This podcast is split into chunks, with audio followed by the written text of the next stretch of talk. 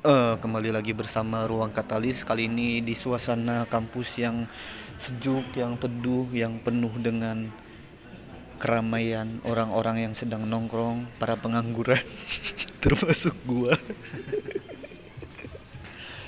Aduh, gua sebelum membahas sesuatu gua ingin mempromokan dulu ada kita ada komunitas baru di WhatsApp.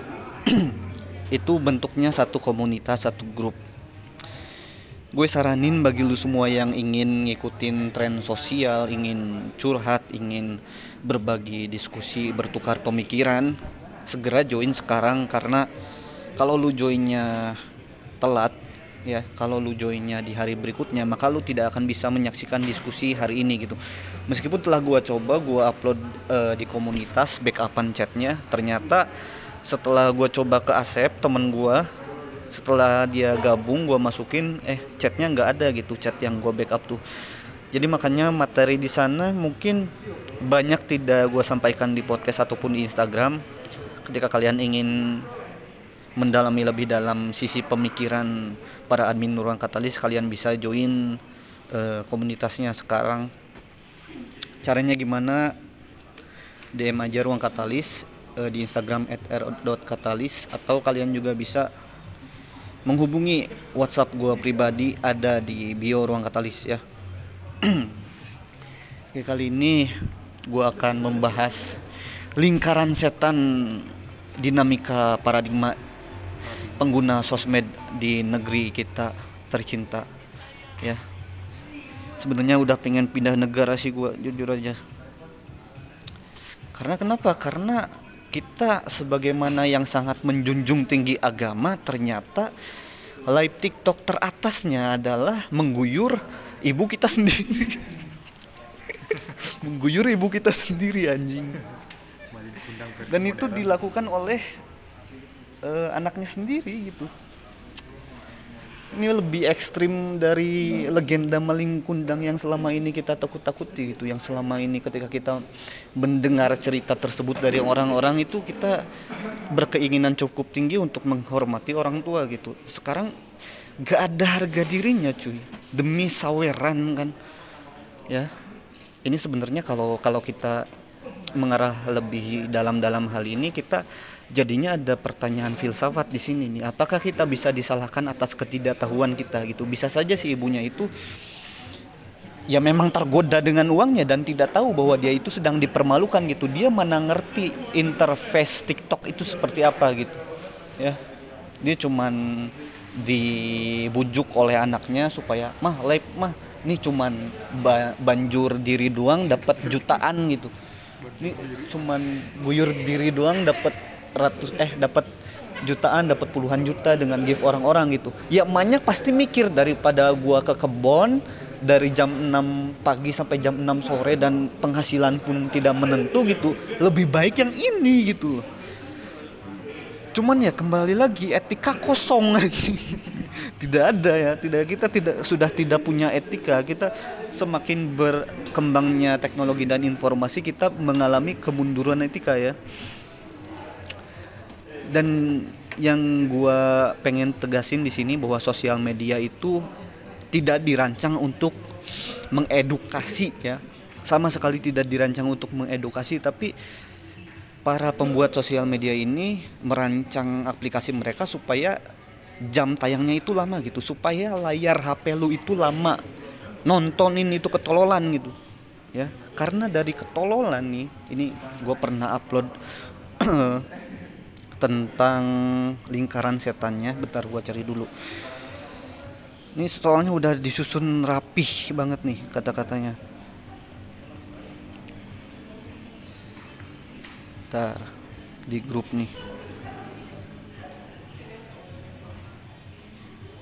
jadi sebenarnya gue juga ini masuk lingkaran setan karena gue termasuk yang membahas hal ini juga gitu.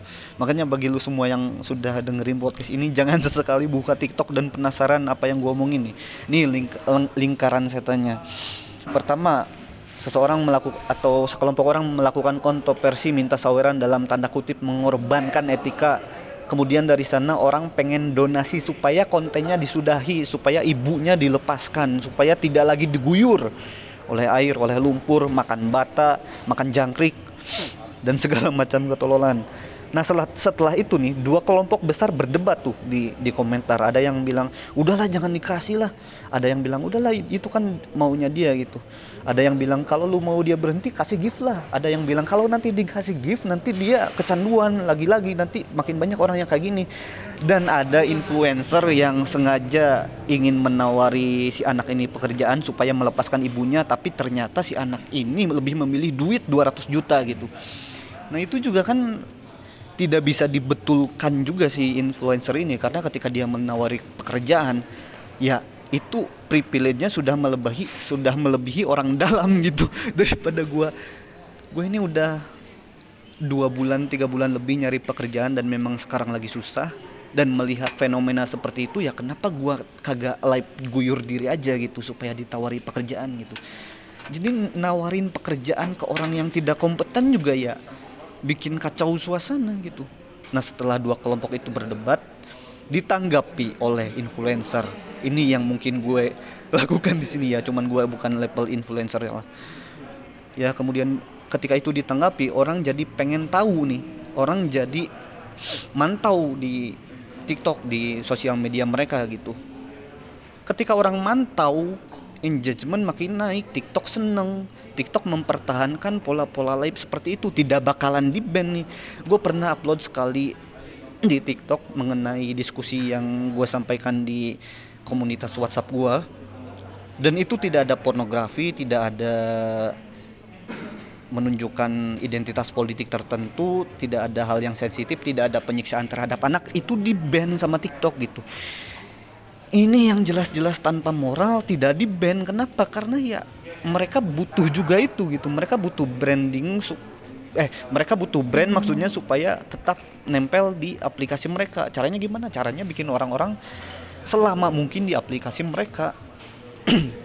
Dan orang-orang yang lama di aplikasi itu biasanya yang debat yang adu argumen yang maki-maki. Mana ada orang nyari nyari edukasi lama. Paling mereka download. Paling mereka uh, share postingan. Paling paling mereka like doang gitu ya. Jadi makanya perlu diseimbangkan antara uh, kerjaan atau interaksi yang lu lakukan di sosial media. Kalau memang kontennya cukup baik cukup mengedukasi ya lu komen gitu. Jangan jangan lu komen ketika lu emosi saja melihat konten gitu. Itu akan membuat konten tolol tersebut naik gitu. Dan kita kembali lagi berkutat di dalam paradigma lingkaran setan yang gue sebut ini gitu.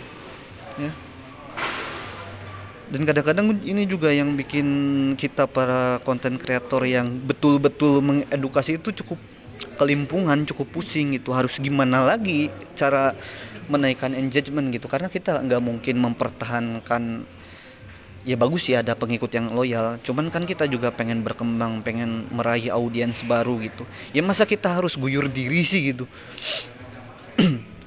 Ini ya harus diganti struktur pola etika yang ada di kita dalam bersosial media juga gitu loh. Ya kita nggak bisa mengganti struktur algoritma yang sudah diterapkan apa TikTok dan lain sebagainya karena itu adalah media bisnis gitu.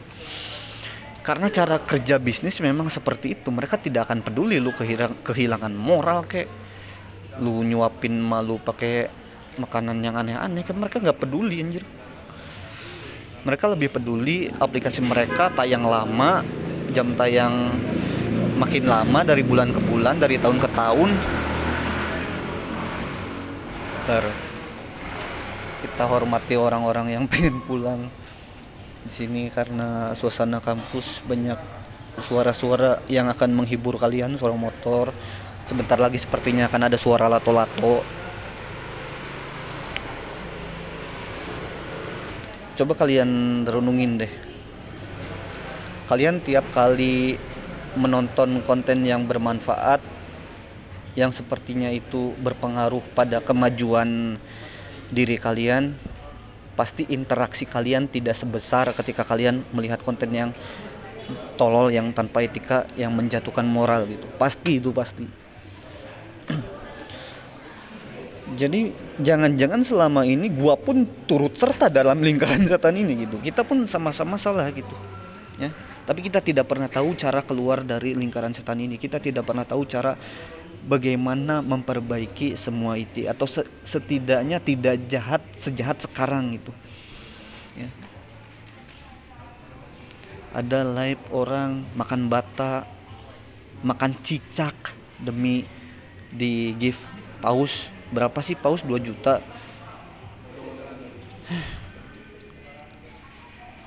Maksud gue gue tuh udah riset berhari-hari cara naikin engagement dan itu semua tidak berhasil. Ternyata yang berhasil makan cicak gitu. Babi emang. Dan ini makin emosi anjir kalau kalau diterusin.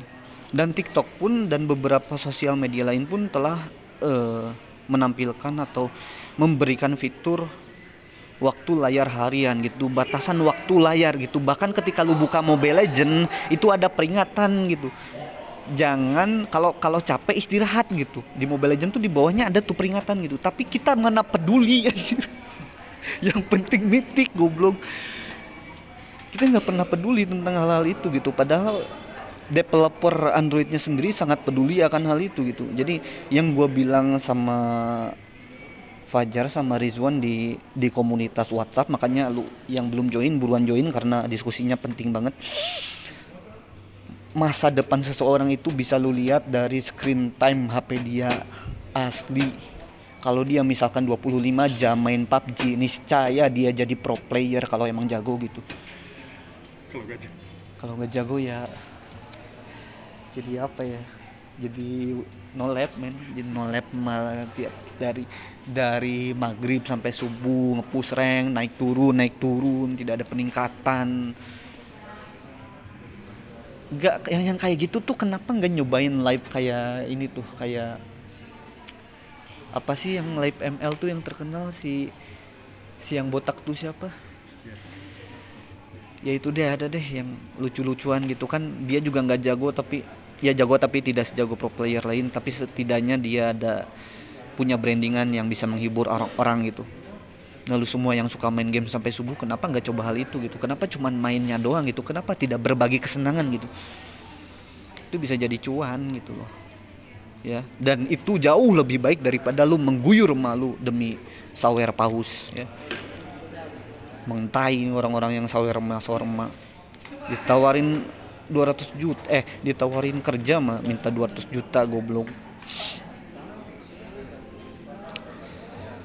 Semoga apa-apa yang gue bilang di sini bisa ada manfaat atau pembelajaran yang bisa lu ambil.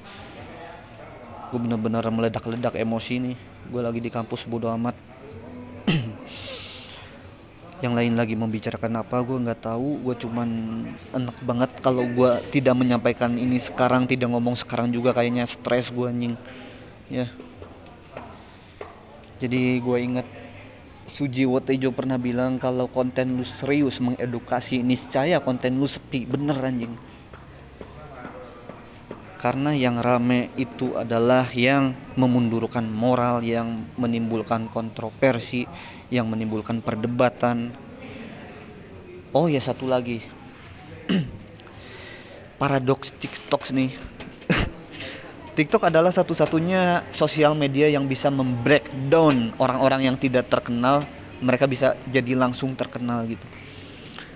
Dengan apa pun yang mereka bisa edit kata-kata galau membuat edukasi ya bisa terkenal tapi tidak terkenal yang buat kata galau ya. Membuat kontroversi ribut dengan teman-temannya tawuran berselisih guyur emak kembali lagi ya.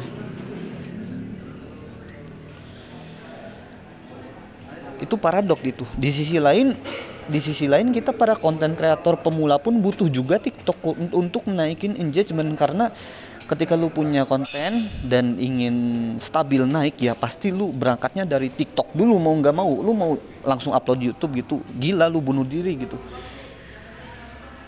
Di YouTube kalau lu bukan siapa-siapa lu ah, tidak ada nama di masyarakat lu bukan artis lu tidak ada uh, kontroversi apa pun tidak ada tidak ada viral-viralnya gitu. Lu bisa apa di YouTube gitu? Nggak bisa.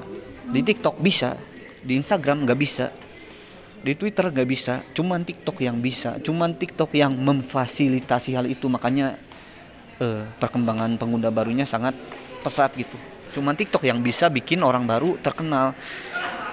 Tapi TikTok tidak bisa nih. Algoritma tidak bisa mengenali apa itu etika gitu. Apa itu moral gitu. Mereka nggak peduli mereka cuma peduli ketika konten orang lain memang ditonton banyak ya udah gue angkat orang ini gue kasih engagement gue kasih viewers jutaan.